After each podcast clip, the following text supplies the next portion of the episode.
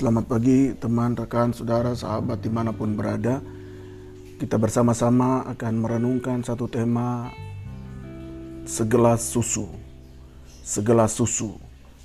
Suatu hari seorang anak lelaki miskin yang hidup dari menjual asongan dari pintu ke pintu Menemukan bahwa di kantongnya hanya tersisa beberapa sen uangnya Dan ia sangat lapar. Anak laki tersebut memutuskan untuk meminta makanan dari rumah berikutnya akan tetapi anak itu kehilangan keberanian saat seorang wanita muda membuka pintu rumah. Anak itu tidak jadi meminta makanan, ia hanya berani meminta segelas air. Wanita muda tersebut melihat dan berpikir bahwa anak lelaki tersebut pasti lapar. Oleh karena itu ia membawakan segelas besar susu. Anak lelaki itu meminumnya dengan lambat dan kemudian bertanya, "Berapa saya harus membayar untuk segelas besar susu ini?" Wanita itu menjawab, "Kamu tidak perlu membayar apa pun. Ibu kami mengajarkan untuk tidak menerima bayaran untuk kebaikan," kata wanita itu menambahkan.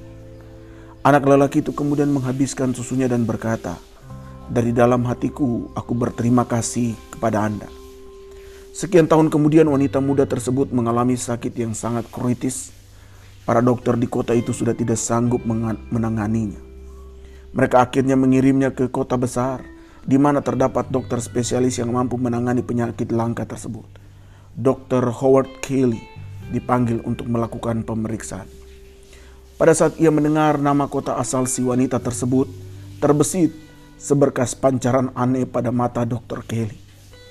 Segera ia bangkit dan bergegas turun melalui hall, hall rumah sakit menuju kamar si wanita tersebut.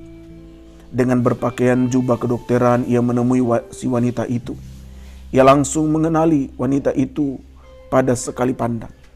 Ia kemudian kembali ke ruang konsultasi dan memutuskan untuk melakukan upaya terbaik agar menyelamatkan wanita, nyawa wanita itu. Mulai hari itu, ia selalu memberikan perhatian khusus pada wanita tersebut dalam sakitnya. Setelah melalui perjuangan yang panjang, akhirnya diperoleh kemenangan. Wanita itu sembuh. Dr. Kelly meminta bagian keuangan rumah sakit untuk mengirimkan seluruh tagihan biaya pengobatan kepadanya untuk persetujuan. Dr. Kelly melihatnya, menuliskannya sesuatu pada pojok atas lembar tagihan, dan kemudian mengirimkannya ke kamar pasien. Wanita itu takut untuk membuka tagihan tersebut. Ia sangat yakin bahwa ia tidak akan mampu membayar tagihan tersebut walaupun harus dicicil seumur hidup.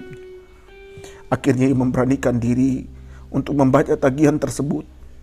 Dan ada sesuatu yang menarik perhatiannya pada pojok atas lembar tagihan tersebut. Ia membaca tulisan yang berbunyi, telah dibayar lunas dengan segelas besar susu tertanda Dr. Howard Kelly. Air mata kebahagiaan membanjiri matanya. Ia berdoa, Tuhan terima kasih bahwa cintamu telah memenuhi seluruh bumi melalui hati dan tangan manusia. Acap kali kebaikan yang kita lakukan kepada sesama, kita menuntut pembalasan. Tapi berbahagialah mereka yang membuat baik kepada sesama.